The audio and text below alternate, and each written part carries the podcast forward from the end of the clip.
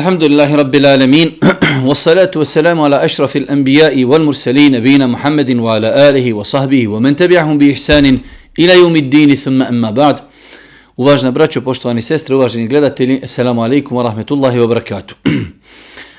Kao što znate, mi smo juče počeli da se družimo sa novim predmetom u programu Zimske škole Islama. Počeli smo sa predmetom hadisa. Juče smo, kao što je običaj generalno, kada se radi određena knjiga, da se nešto progovori o autoru knjige i da se progovori nešto o samoj knjizi.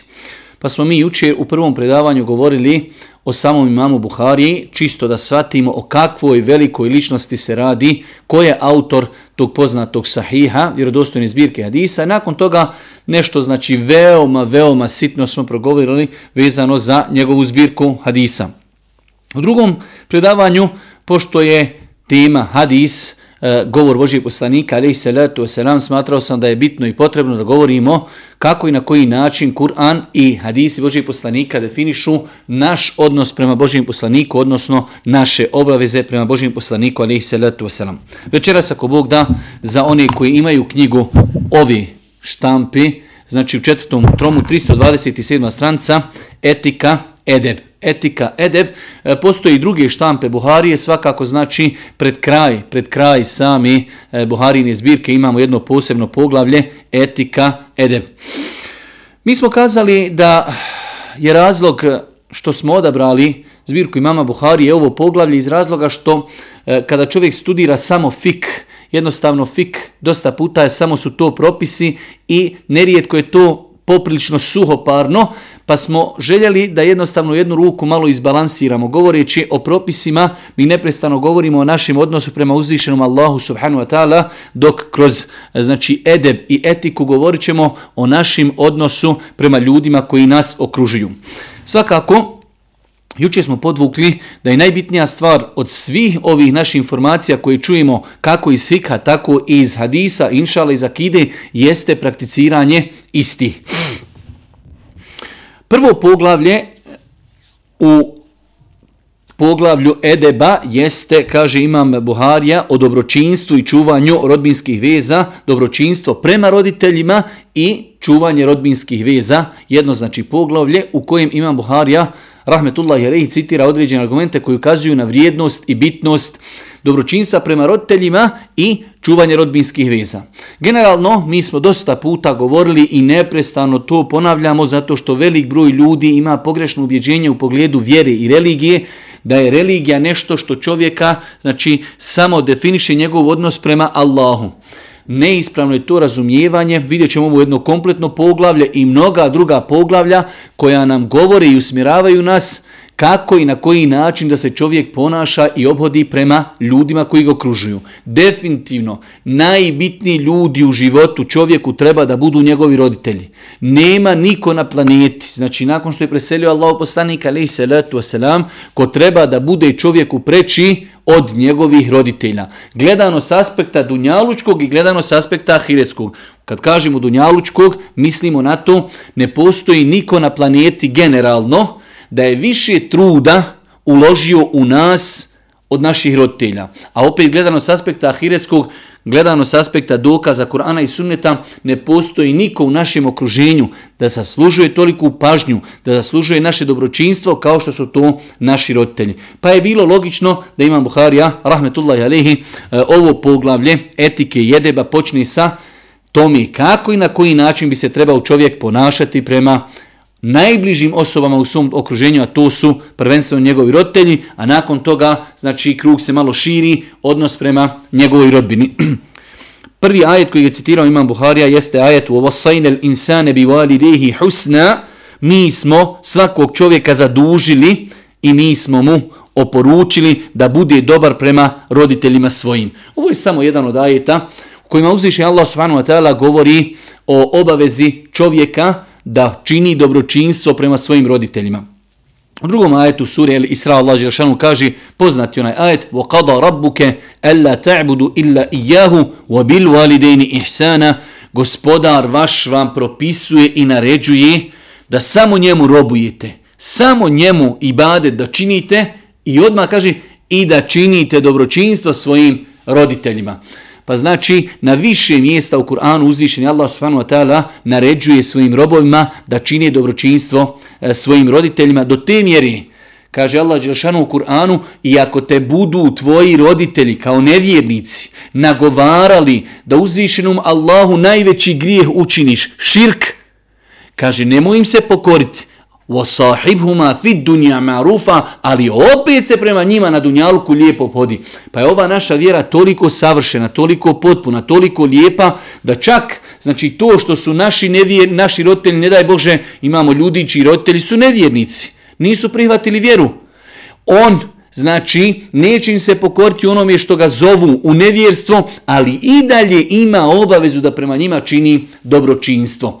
Ovdje vidimo da uzvišeni Allah Đelšanu kaže u Kur'anu mi smo svakog čovjeka zadužili da bude dobar prema roditeljima svojim. U Kur'anu to kaže se وَلَصَيْنَ الْإِنسَانَ بِوَالِدَهِ حُسْنَ Na drugim, u drugim ajetima kaže ihsana. Jedna veoma široka riječ, mi smo naredili čovjeku da čini dobročinstvo roditeljima. I mi ćemo poslije, ako Bog da navoditi načine i metode, kako i na koji način se ponašati prema roditeljima, ali generalno pravilo, sve što je lijepo, sve što je dobro, sve što i čini sretnim, sve to treba činiti roditeljima, s druge strane sve što je nepokorno, sve što njih ljuti, sve što e, znači ne odgovara njima, to treba ostaviti. Pa ovaj kuranski ajed znači e, otvara jedna velika, široka vrata kada je u pitanju naš odnos prema roditeljima da na svaki mogući dopušten način, ovo je veoma bitno, na svaki mogući dopušten način pokušavamo da zaslužimo njihovo zadovoljstvo. 5970 eh, hadis u ovoj, znači štampi Buharije.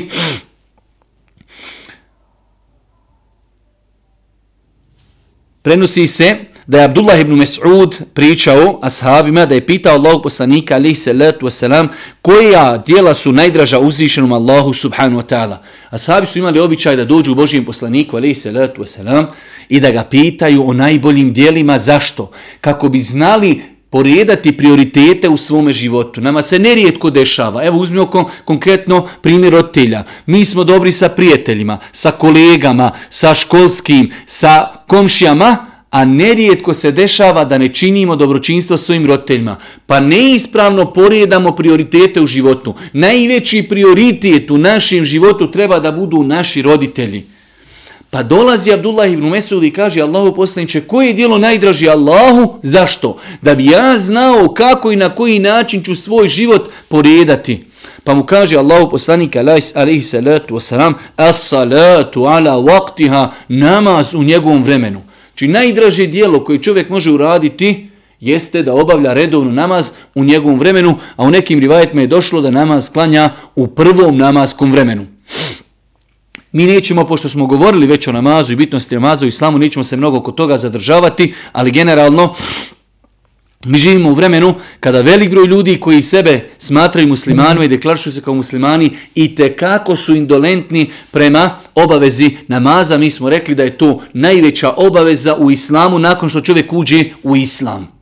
Pa Allah poslanik ovom hadisu to potvrđuje da je najdražije dijelo i najbolje dijelo koje čovjek može urati namaz u njegovom vremenu. Pa kaže Abdullah ibn Mesud, a koji nakon njega? Koje je dobro? To je prvo dijelo koji nakon njega kažemo Allahu poslanik ali se letu wasalam birrul walidin dobročinstvo prema roditeljima odma znači nakon što smo postavili jedan veliki temelj odnos prema našim gospodaru najbitnija stvar u životu nam je da robujemo Allahu da redovno namaz obavljamo druga stvar Drugo dijelo reguliše nam drugi dio našeg života, a to je odnos prema ljudima koji nas okružuju, birrul walidin, dobročinstvo roditeljima.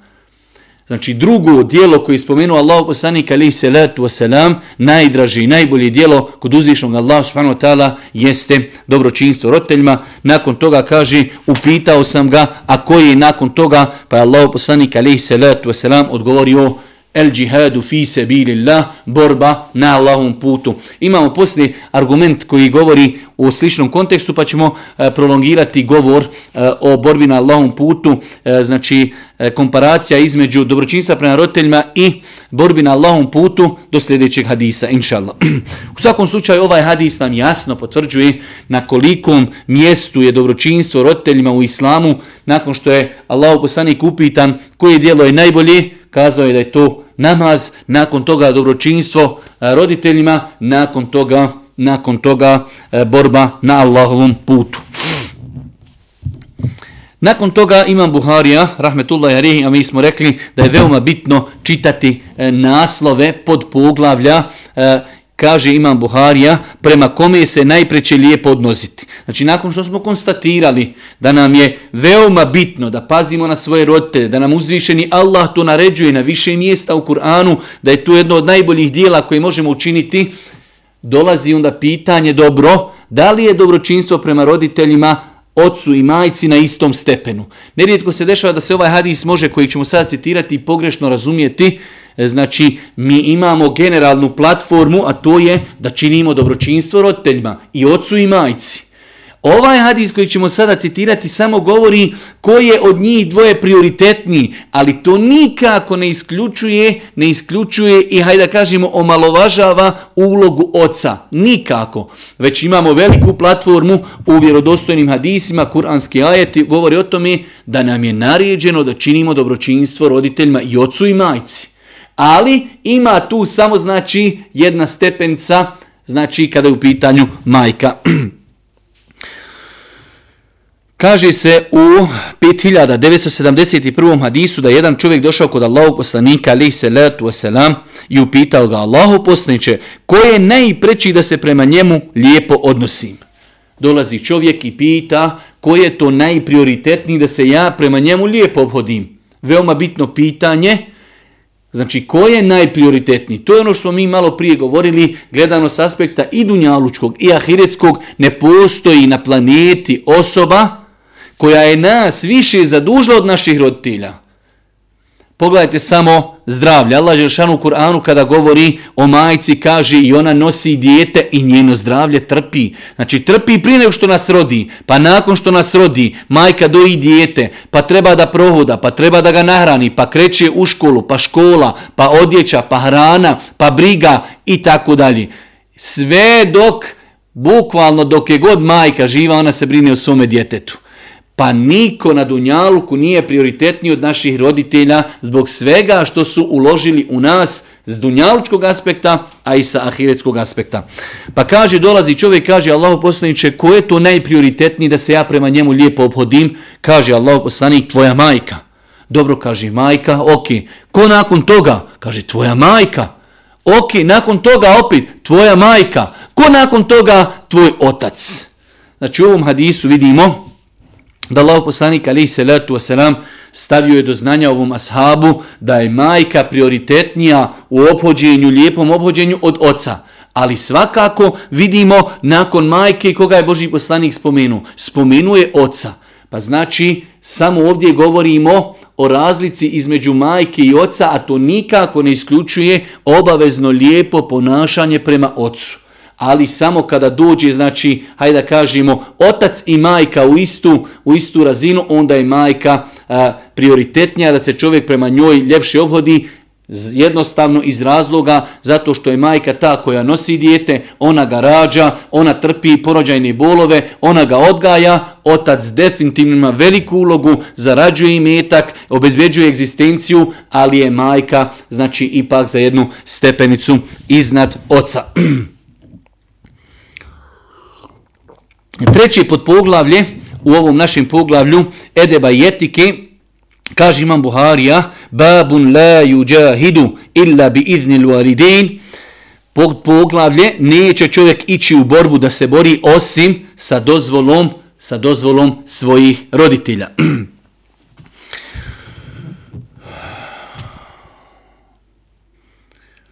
Abdullah ibn Amr je pripovjedao, jedan čovjek je došao Allahom poslaniku alihi salatu wasalam i kazao da li da se on bori i pitao je Allahom poslanika, pa ga je Allahom poslanik upitao imaš li roditelje? Imam, odgovorio je, onda ostani s njima i pazi na njih, to je tvoja borba, odgovorio je Allahom poslanik alihi salatu wasalam.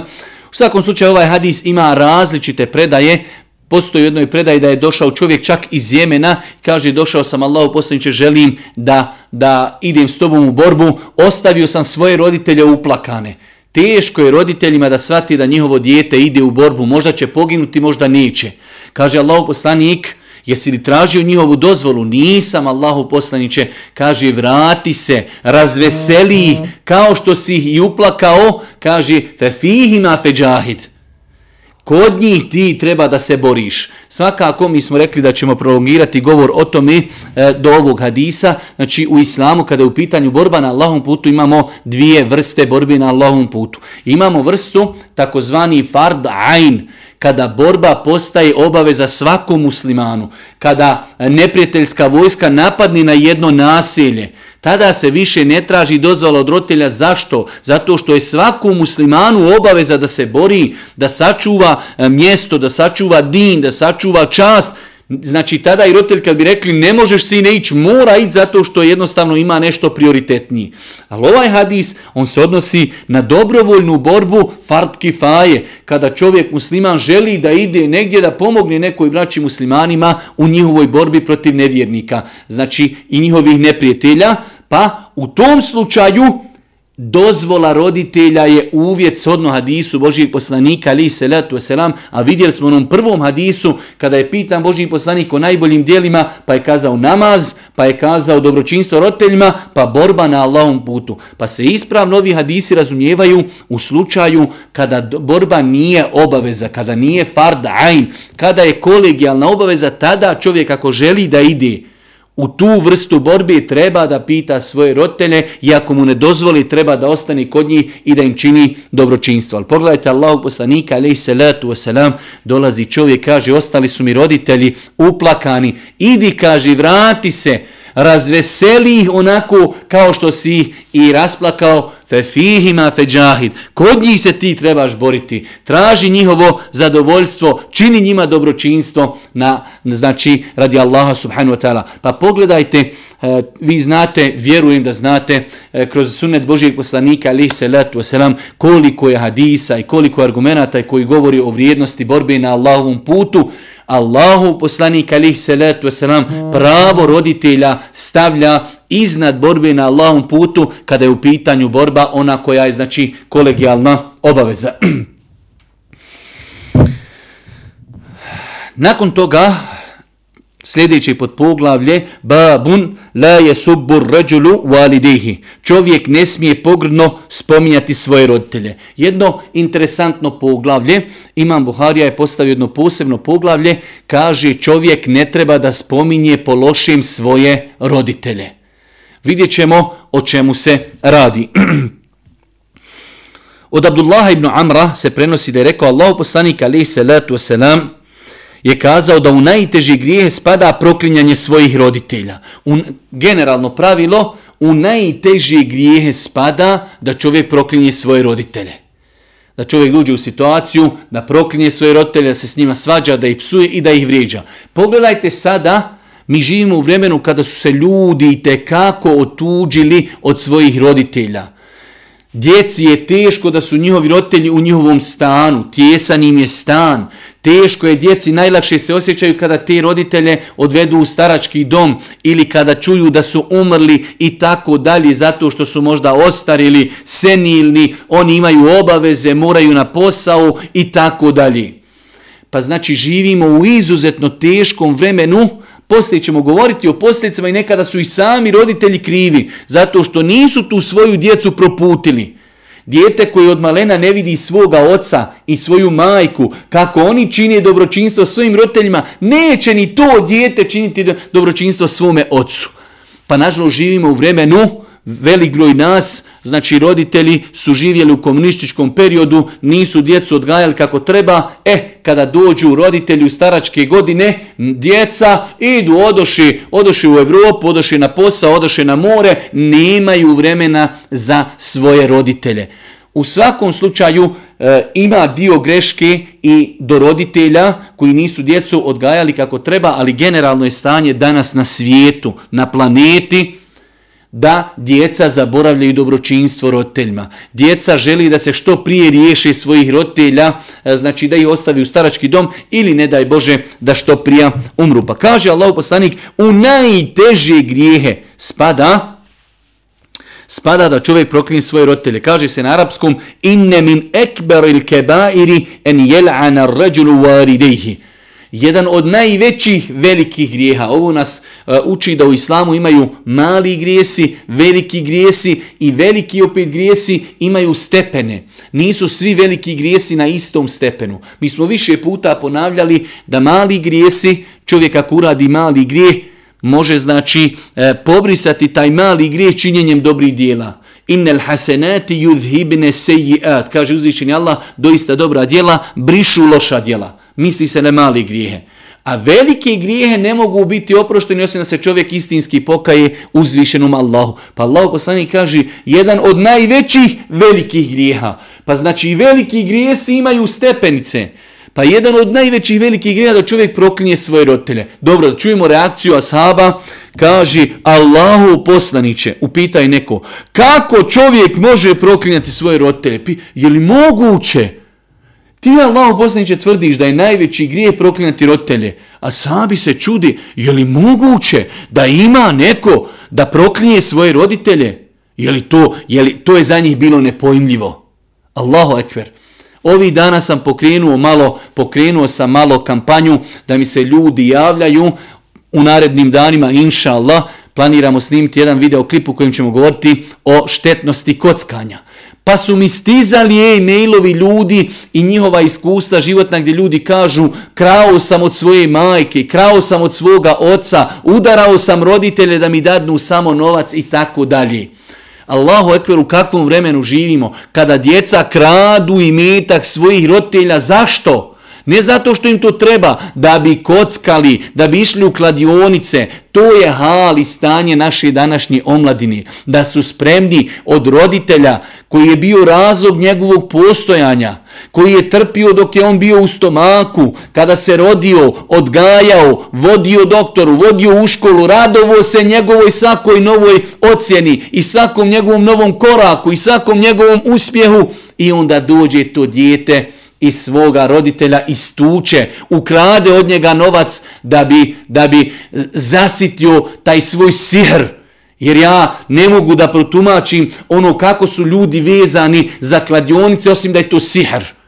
Da zasiti taj svoj, znači tu potrebu sihra, pa da ode da tamo ostavi roditeljski novac i roditeljske pare.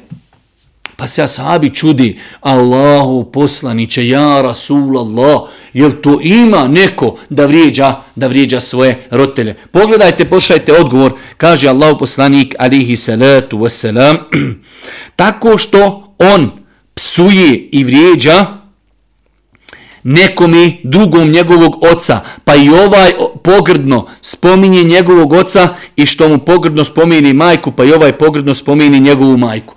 Pazite kako Allah poslanik spominje šta je u islamu zabranjeno. Da mi opsujemo nekome oca ili majku, pa on uzrati nama tako, to se u islamu smatra da ti vrijeđaš svoju majku i oca. Jer si dirao drugom čovjeku majku i oca, pa ti on to uzvratio. Pogledajte kako je islam plemenit, kako je savršen, kako je lijep, kako je potpun. Ne samo da ti ne smiješ udirati svoga oca i psovati i vrijeđati, Ne smiješ ti psovati drugim ljudima jer ti znaš ako ti drugim ljudima uvrijediš oca i majku i oni će tebi uzratiti i to je u islamu zabranjeno. Pa je islam toliko savršen i potpun i lijep. I mnoge druge neke stvari Allah Đeršanu kaže وَلَا تَقْرَبُ زِنَا Nije rekao uzvišeni Allah nemojte činiti blud. Ne, nemojte mu se približavati. Ako znaš da će te ova crna šetanska kutija koju ne znaš koristiti kako treba odvesti u nemoral, onda ti može korištenje mobitela biti haram. Ako nemaš snage da se suzdržiš da ne odeš na YouTube i gledaš nešto što je loše, pa će te to odvesti u nemoral, pa će te to odvesti u kladionicu, pa će te to odvesti u drogu, pa će te to odvesti u kriminal, može ti biti haram nošenje mobitela ako ga ne znaš koristiti. Islam preventivno nekada zabranjuje određene stvari. Nemojte se približavati bludu. Kako? Nemojte činiti ono što vodi. Nemojte gledati ono što nije dobro. Nemojte slušati ono što nije dobro. A danas ćete vidjeti našu omladinu. Non stop slušalice, muzika, gledaj filmove, gledaj serije, gledaj ovo i sutra djevojčica od 13 godina izgubila nevinost. Pa je pitanje koliko je nekim osobama dozvoljeno šerijatski da nosaju mobitel. Jer ih taj mobitel odveo u nemoral, odveo ih u kriminal, odveo ih u drogu, odveo ih u prevare, da ne budu aktivni u školi i tako dalje. Pa Islam u ovom slučaju preventivno djeluje. Nemoj vrijeđati tuđeg oca jer će on uvrijediti tvog oca. Nemoj vrijeđati tuđu majku jer će on uvrijediti tvoju majku. Pa Allah poslani kaže, nemojte proklinjati, nemojte proklinjati svoje rote, to je jedan od najvećih grijeha. Pa su ashabi to shvatili bukvalno, zar može neko? Kaže Allah poslanik, ja mislim nešto drugo, nemojte vi vrijeđati tuđe rotene, pa će i oni vrijeđati vaše roditelje. Nakon toga imam e, Buharija, rahmetullahi harih, citirao jedan veliki i dugi hadis e, u poglavlje, kaže uslišavanje dove onome koji prema svojim roditeljima čini dobro. Jedan veliki hadis, mi smo o njemu govorili više puta, ja ću ga samo rezimirati, kamo sreće da imamo vremena e, da... E, da ga ispričamo svega kompletnog, ali imamo neki dodataka na ove komentare, pa ćemo samo rezimirano, Allah poslanik alaih salatu wasalam spomenuo je da su prijašnjim narodima bila trojica ljudi, pa su oni krenuli na daleki put. Pa kada je nastupila noć, naišli su na jednu pećinu, pa su ušli u pećinu da tu prenoći, pa je uzvišen i Allah dao da se zakotrlja jedna velika stijena i zatvorila je ulaz u pećinu u kojoj su oni bili.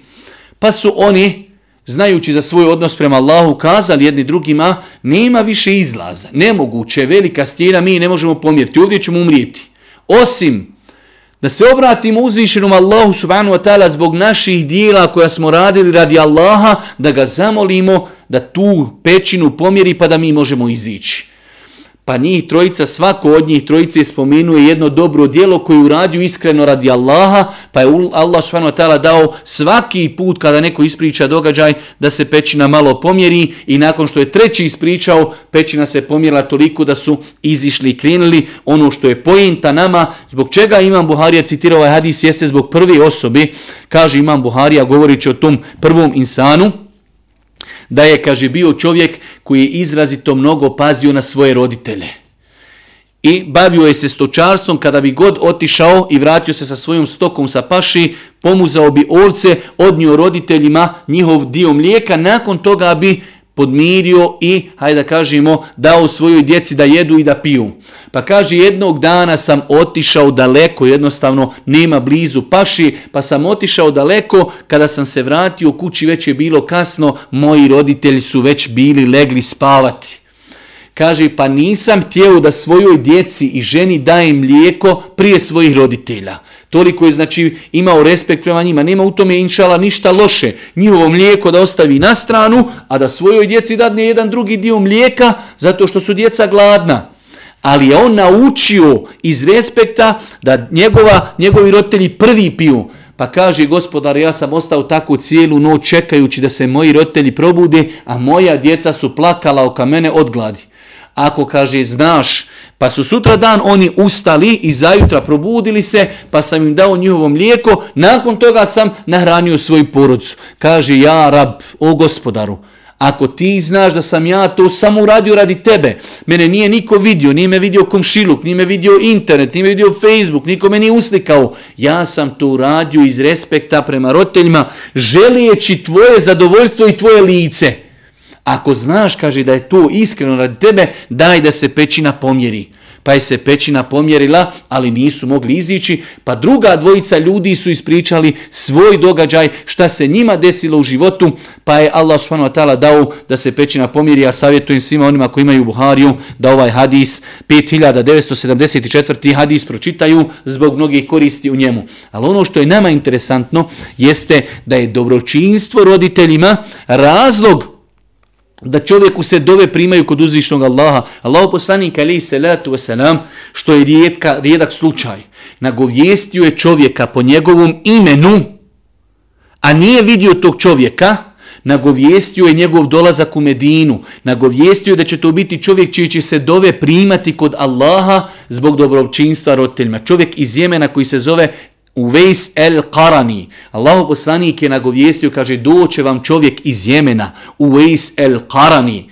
Kada ga vidite, tražite od njega da dovi Allahu za vas. Kaže, on je imao majku koju je činio dobročinstvo, pa zbog tog dobročinstva mu je Allah svano tala uslišavao dovu. Pa je Omer, kada bi god došla delegacija iz Jemena, pitao ima li među vama u vesel karani. Pa jedne prilike se potreflo, kažu ima, tu je. Pa je Omer radi Allahu anhu kazao, dovi za mene. Omer, džennetlja kojim je Allah o, kojim je Allah poslanik ali se leto sram u više hadisa obe, obećao džennet, moli u vesel karanija da dovi za njega za oprost grijeha ali je pojenta da ga je Allahu poslanik nagovijestio njegov dolazak zbog njegovog dobročinstva pre njega, prema njegovoj majici. Pa je dobročinstvo prema roditeljima razlog da uzvišeni Allah s.w.t. insanu u teškim momentima prima njihove dove. S druge strane, šta može očekivati insan koji svojim roditeljima je nepokoran, koji psuje, koji ih je ostavio, koji ih je zaboravio, koji je odveo u starački dom i tako dalje. Šta može očekivati osim usibete, nesreće, nezgode, iskušenja i tako dalje? Pa znači, Imam Buharija, rahmetullahi alihi, ovdje u ovom poglavlju citirao je ovaj hadis u podnaslovu uslišavanje dovi onome koji prema svojim roditeljima čini dobro. Znači, velika korist, velika fajda koju možemo uzeti iz ovog hadisa jeste da je dobročinstvo roditeljima jedan od razloga jedan od razloga primanja dovi. U svakom slučaju, braću moja draga i cijine sestre, mi ćemo se ovdje kratko samo zaustaviti, pošto već u sljedećim hadisma Imam Buharija počinje sa citiranjem hadisa koji govori o nepokornosti roditeljima. U islamu imamo znači dvije stvari. Imamo vrijednost i bitnost pokornosti roditeljima u islamu, a s druge strane, ne samo da kažemo islam je, ok, preporučuje da budeš dobar prema roditeljima, ali možeš biti i loš, ne. Islam strogo naređuje dobročinstvo, do te mjeri da ga u Kur'anu spominje odma nakon naredbi da se Allahu robuje i da se Allahu svano tala i bade čini. Ali imamo s druge strane argumente koji strogo, strogo, strogo zabranjuju nepokornost roditeljima, odnosno bilo koji vid e, znači vrijeđanja i nepoštovanja roditelja. Pa kažu islamski učenjaci, dobročinstvo prema roditeljima To je činjenje dobra. Činjenje dobra znači širok pojam. Putem srca, putem govora i putem svojih postupaka, želijeći time Allahovo zadovoljstvo. Znači četiri stvari veoma bitne. Šta je to dobročinstvo roditeljima? Dobročinstvo prema roditeljima je da njihov sin čini, ili sin, ili čerka, dijete, da im čini dobro, širok pojam. Znači svaki vi dobra srcem, da ih voli, da dovi za njih, znači srcem i svojim jezikom i svojim postupcima, tri stvari, četvrta stvar, želijeći time Allahovo zadovoljstvo i da se približi uzvišenom Allahu subhanahu wa ta'ala. Ako pogledamo a, argumente Kur'ana i sunneta, a njih je mnogo, islamski učenjaci pišu zasebna dijela u kojima govori o dobročinstvu roditeljima, Prvo što ćemo primijetiti u Kur'anu da Allah Đelšanu na nekoliko mjesta, više mjesta, odma pravo roditelja spominje nakon obaveze robovanja Allahu Đelešanu. U islamu, odnosno u arapskom jeziku, u stilistici Kur'ana, to ima svoju bitnost da se nakon bitnije stvari spomeni nešto. To ukazuje na bitnost te stvari. Kao što kažu učenjaci u Kur'anu, وَاقِيمُ صَلَاتَ وَاَتُ زَكَاتَ Obavljajte namaz i dajte zekijat. Ako znamo da je namaz u islamu bitan, spominjanje zekijata uz namaz ukazuje da su to bitne stvari. Pa spomenuti robovanje Allahu subhanu wa ta'ala i nakon njega odmah spomenuti dobročinstvo roditeljima, to ukazuje da je dobročinstvo roditeljima na visokom stepenu obaveznosti u islamu. I to isto tako vidjeli smo, vidjeli smo u vjerodostojnim hadisima da Allahu poslanik ali se letu selam stavlja dobročinstvo roditeljima ispred stepena džihada i borbe na Allahovom putu. Rekli smo da se to odnosi na borbu koja je kolegijalna obaveza, ne obaveza fart kifaje koja je svakom čovjeku obaveza, već da je dobročinstvo roditeljima na većem stepenu i da je dobročinstvo roditelja, odnosno traženje, dozvoli uvjet da bi čovjek mogao otići u borbu koja je kolegijalna obaveza muslimanima. Isto tako u vjerodosljivnim hadisima Allah poslanik ali se letu se nam nam kaže da je zadovoljstvo naših gospodara u njihovom zadovoljstvu. Allahu akbar. Srđba naših gospodara je u njihovoj srđbi. Onog momenta kada su u pravu, Ako bi nama roditelji kazali, idi sine, kupi mi alkohola, i mi kažemo, ne mogu majku kupiti alkohol, je to haram, i ona se rasrdi na nas. Tada nismo griješni, ali smo griješni ako mi izazovemo srđbu svojih roditelja u onome što smo i mogli priuštiti. Mi kažemo, majko, ti ćeš u starački dom, i ona se naljuti na nas. Allahu poslanik alihi selam kaže Allahovo zadovoljstvo je u zadovoljstvu roditelja. Kada su tvoji roditelji zadovoljni s tobom, tada je zadovoljan tvoj gospodar s tobom. Kada su tvoji roditelji srditi na tebe, tvoj gospodar je srdit na tebe. U stvarima koje su halal, koje su dopuštene. Znači, dobročinstvo roditeljima je uvjetovano samo jednim uvjetom, a to je da se čini ono što je halal i što je dopušteno. Zato sam dosta puta govorio i o tome ćemo možda poslije govoriti. Najlakši, najkraći, najbolji, najplodonosniji način da tvoj gospodar bude zadovoljan jesu tvoji roditelji. Učini svoj ratu roditelji da su zadovoljni. Naši roditelji to su ljudi eh, koji, koji je veoma lako zadovoljiti osim u izuzetnim situacijama, o tome ćemo poslije goti da ima roditelja kojima je zaista teško goti, ali generalno gledajući naši roditelji, kada kažem naši roditelji, ljudi sa ovih naših podnjeblja, nisu mnogo zahtjevni ljudi. Danas znači da odeš roditeljima, da im odneseš porciju čevapa, da im odneseš kilu naranđi, da odneseš kilu banana, oni će se razveseliti, oni će se obradovati, da odeš, da ih zagrliš, da ih poljubiš, da im dovedeš unučadi, da ih izvedeš negdje u šetnju, da da odeš sa njima u restoran. Zadovoljstvo roditelja, ono proizilazi, znači iz njega izlazi zadovoljstvo gospodara. Želiš da tvoj gospodar bude zadovoljan, traži to u zadovoljstvu roditelja. Obrnuto, tvoji roditelji ljuti na tebe, tvoji roditelji srdi, ti s pravom srditi. Znaj da je srditi tvoj gospodar na tebe. Isto tako, Allah poslani kaže u vjerodostornom hadisu, uh, roditelji su srednja i najbolja vrata dženneta. Pa kaže, neko kaže da je to hadis, neko kaže da to eh, govor prenosioca, pa ako hoćeš čuvaj ta vrata. Najbolja vrata, srednja vrata džennetska zovu se roditelj. Zato je Boži poslanik i dovio protiv onoga čiji roditelji kod njega dožive starost, a on nije zaradio džennet. Džennet. Znači, o robe, ako ti nisi uspio zaraditi džennet putem rotelja, nema u tebi više hajra.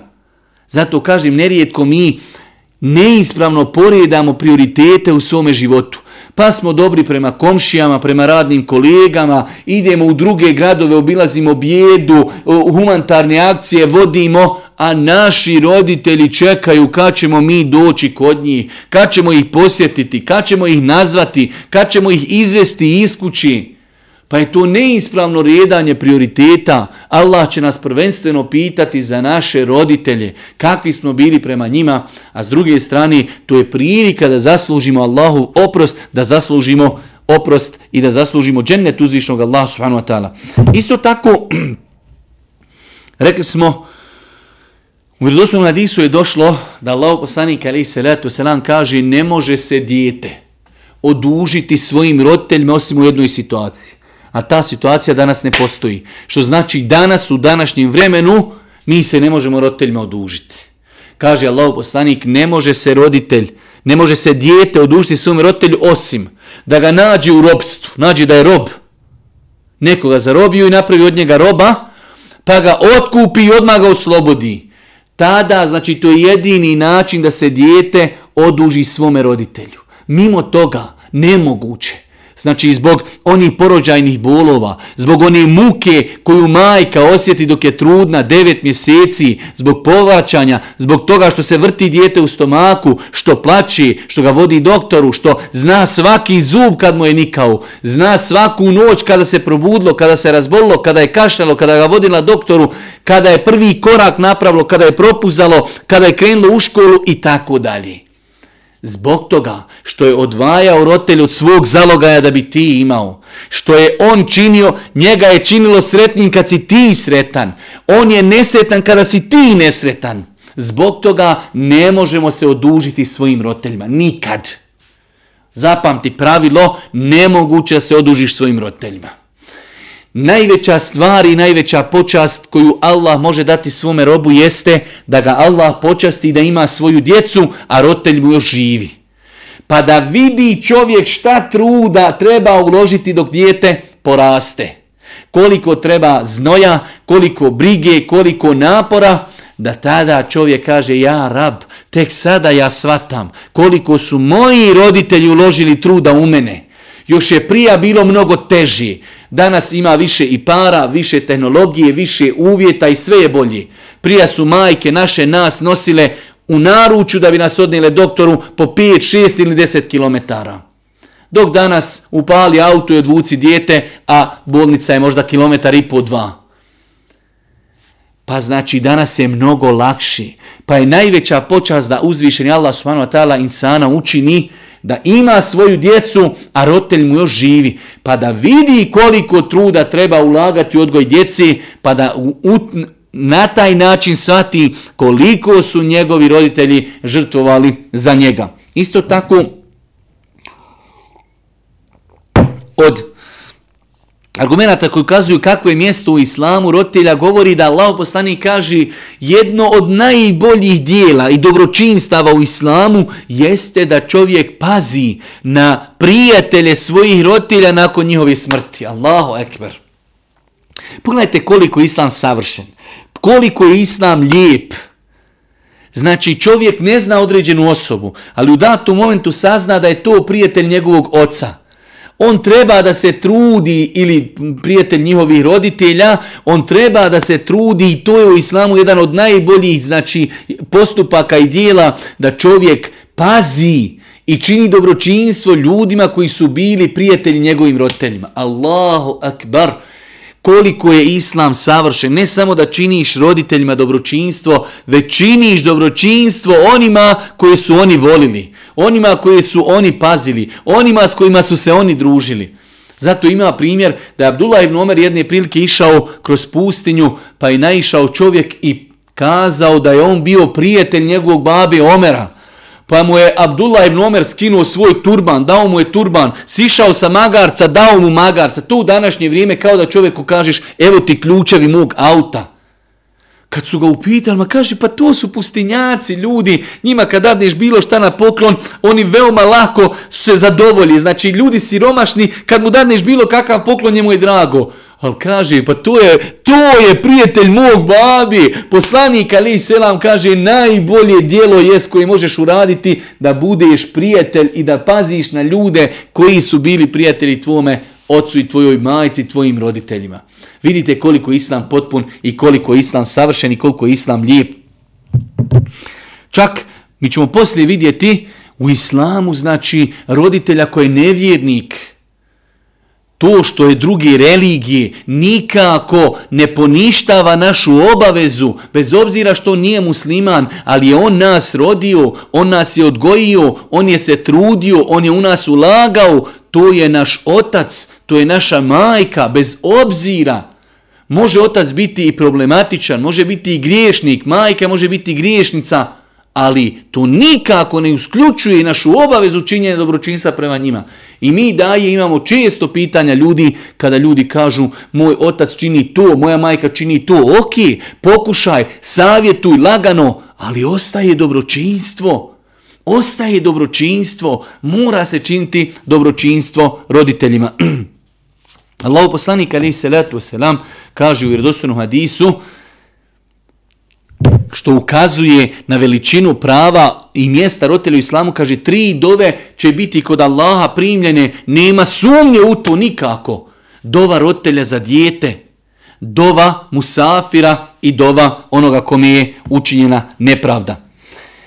Isto tako od stvari koje ukazuju eh, koliko je mjesto roditelja u islamu činjenica da Kao što smo malo prije vidjeli da Islam podstiče da činimo dobročinstvo ljudima koji su bili prijatelji naših roditelja, isto tako Allah u poslaniku Jordesu Madisu kazao da je tetka po majci na stepenu majke. Umrla je majka, prelazi dobročinstvo na tetku, majčinu, znači sestru. Dolazi čovjek, kaže Allah u poslaniče, počinio sam ogroman grijeh. Počinio sam ogroman grijeh. Kaže Allah u poslanik, jel ti majka živa? Kaže, nije. Nije. Jel ti kaže živa tetka po majci? Kaže jest, idi njoj čini dobro djelo. Allahu ekber. Znači kao iskup za grije veliki koji si počinio, idi čini dobročinstvo svojoj tetci jer ona je znači, Allahu poslanik ali se letu selam kaže tetka po majčinoj strani je na stepenu majke.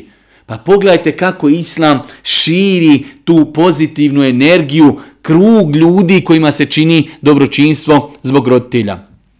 Za kraj samo nekoliko minuta i time završajmo ovo večerašnje prvo predavanje, to je nekoliko stvari koji možemo činiti za naše roditelje i nakon njihove smrti. Pogledajte koliko islam savršen, koliko je lijep. Postiće nas da činimo roditeljima dobročinstvo i nakon njihove smrti. Pa poslije smrti možemo dojiti za roditelje. Dova. Možemo činiti za njih istikvar. Ima hadis za kojeg su određeni učenjaci kažali da je vjerodostojan, da kaže roditeljima se podigne stepen u džennetu. Pa oni kažu, ja rab, gotovo, zbog čega sad ovo? Kaže, zbog istighfara vašeg djeteta vama. Allahu ekver. Pa rodit, e, znači djeca treba da dove Allahu za roditelje i da moli Allah Đelešanu da oprosti njihovim roditeljima i to može biti razlogom da Allah Đelešanu poveća stepene i da oprosti njihovim roditeljima zbog njihovih dova. Isto tako da se čovjek potrudi ako su njegovi roditelji ostavili za sebe dug, Allahu poslanik kada su mu dolazili ashabi pa kažu Allahu poslanik će mogu li ja e, obaviti hađ za svoju majku ili oca, kaže Allahu poslanik alejhi salatu vesselam, a da je on kaže imao neki dug, a bili ti to vratio? Pa bi kaže Allahu poslanik, pa Allahu kaže dug je preči. Znači dijete treba da se potrudi ako je roditelj za sebe ostavio dugova, a nije ostavio imetak kojim će se to vratiti, da djeca iz svog imetka to vrati. Isto tako da se djeca potrude da se ispuni vasijeti koje ostavio njihov roditelj i to je dobročinstvo prema roditeljima nakon njihove smrti. Ako je roditelj kazao nakon moje smrti to i to od mog imetka, to i to od para, dajte tom i tom. Dobročinstvo prema roditeljima, iako je to obaveza, ali dobročinstvo prema roditeljima da se to ispuni. Isto tako rekli smo da se pazi na njihove prijatelje i poznanike, isto tako e, da se na njihovo ime udjeljuje sadaka. Znači, od a, Allahove milosti prema ljudima jeste da čovjek kada umre prestaju njegova dobra djela. Osim u nekoliko slučajeva, jedan od tih slučajeva jeste da dijete udijeli sadaku na ime svojih roditelja. Pa čovjek, primjer radi, traži se za neku džamiju, Sergija kaže, e ovi sto maraka, to je za moje roditelje. Ili da ću, e, da se bunar iskopa za moje roditelje, i tako dalje. I zadnja stvar, da čovjek, ako ima mogućnost, roditelji nisu obavili hađ, da za njih obavi on hađ ili da dadi da neko drugi obavi hađ. Znači, to je nekoliko dijela koja čovjek može činiti nakon smrti za svoje roditelje. Molim Allah subhanahu wa ta'ala da nas učite na putu istini, molim ga subhanahu wa ta'ala da nas učini od onih ljudi koji će činiti dobročinstvo svojim roditeljima za njihovog života i nakon njihove smrti. Subhaneke Allahume da bihamdike, šedu in la ilaha ilan stakfiru, ke tubu i lijek. Mi se ako Bog da vraćamo za nekoliko minuta sa našim drugim predavanjem.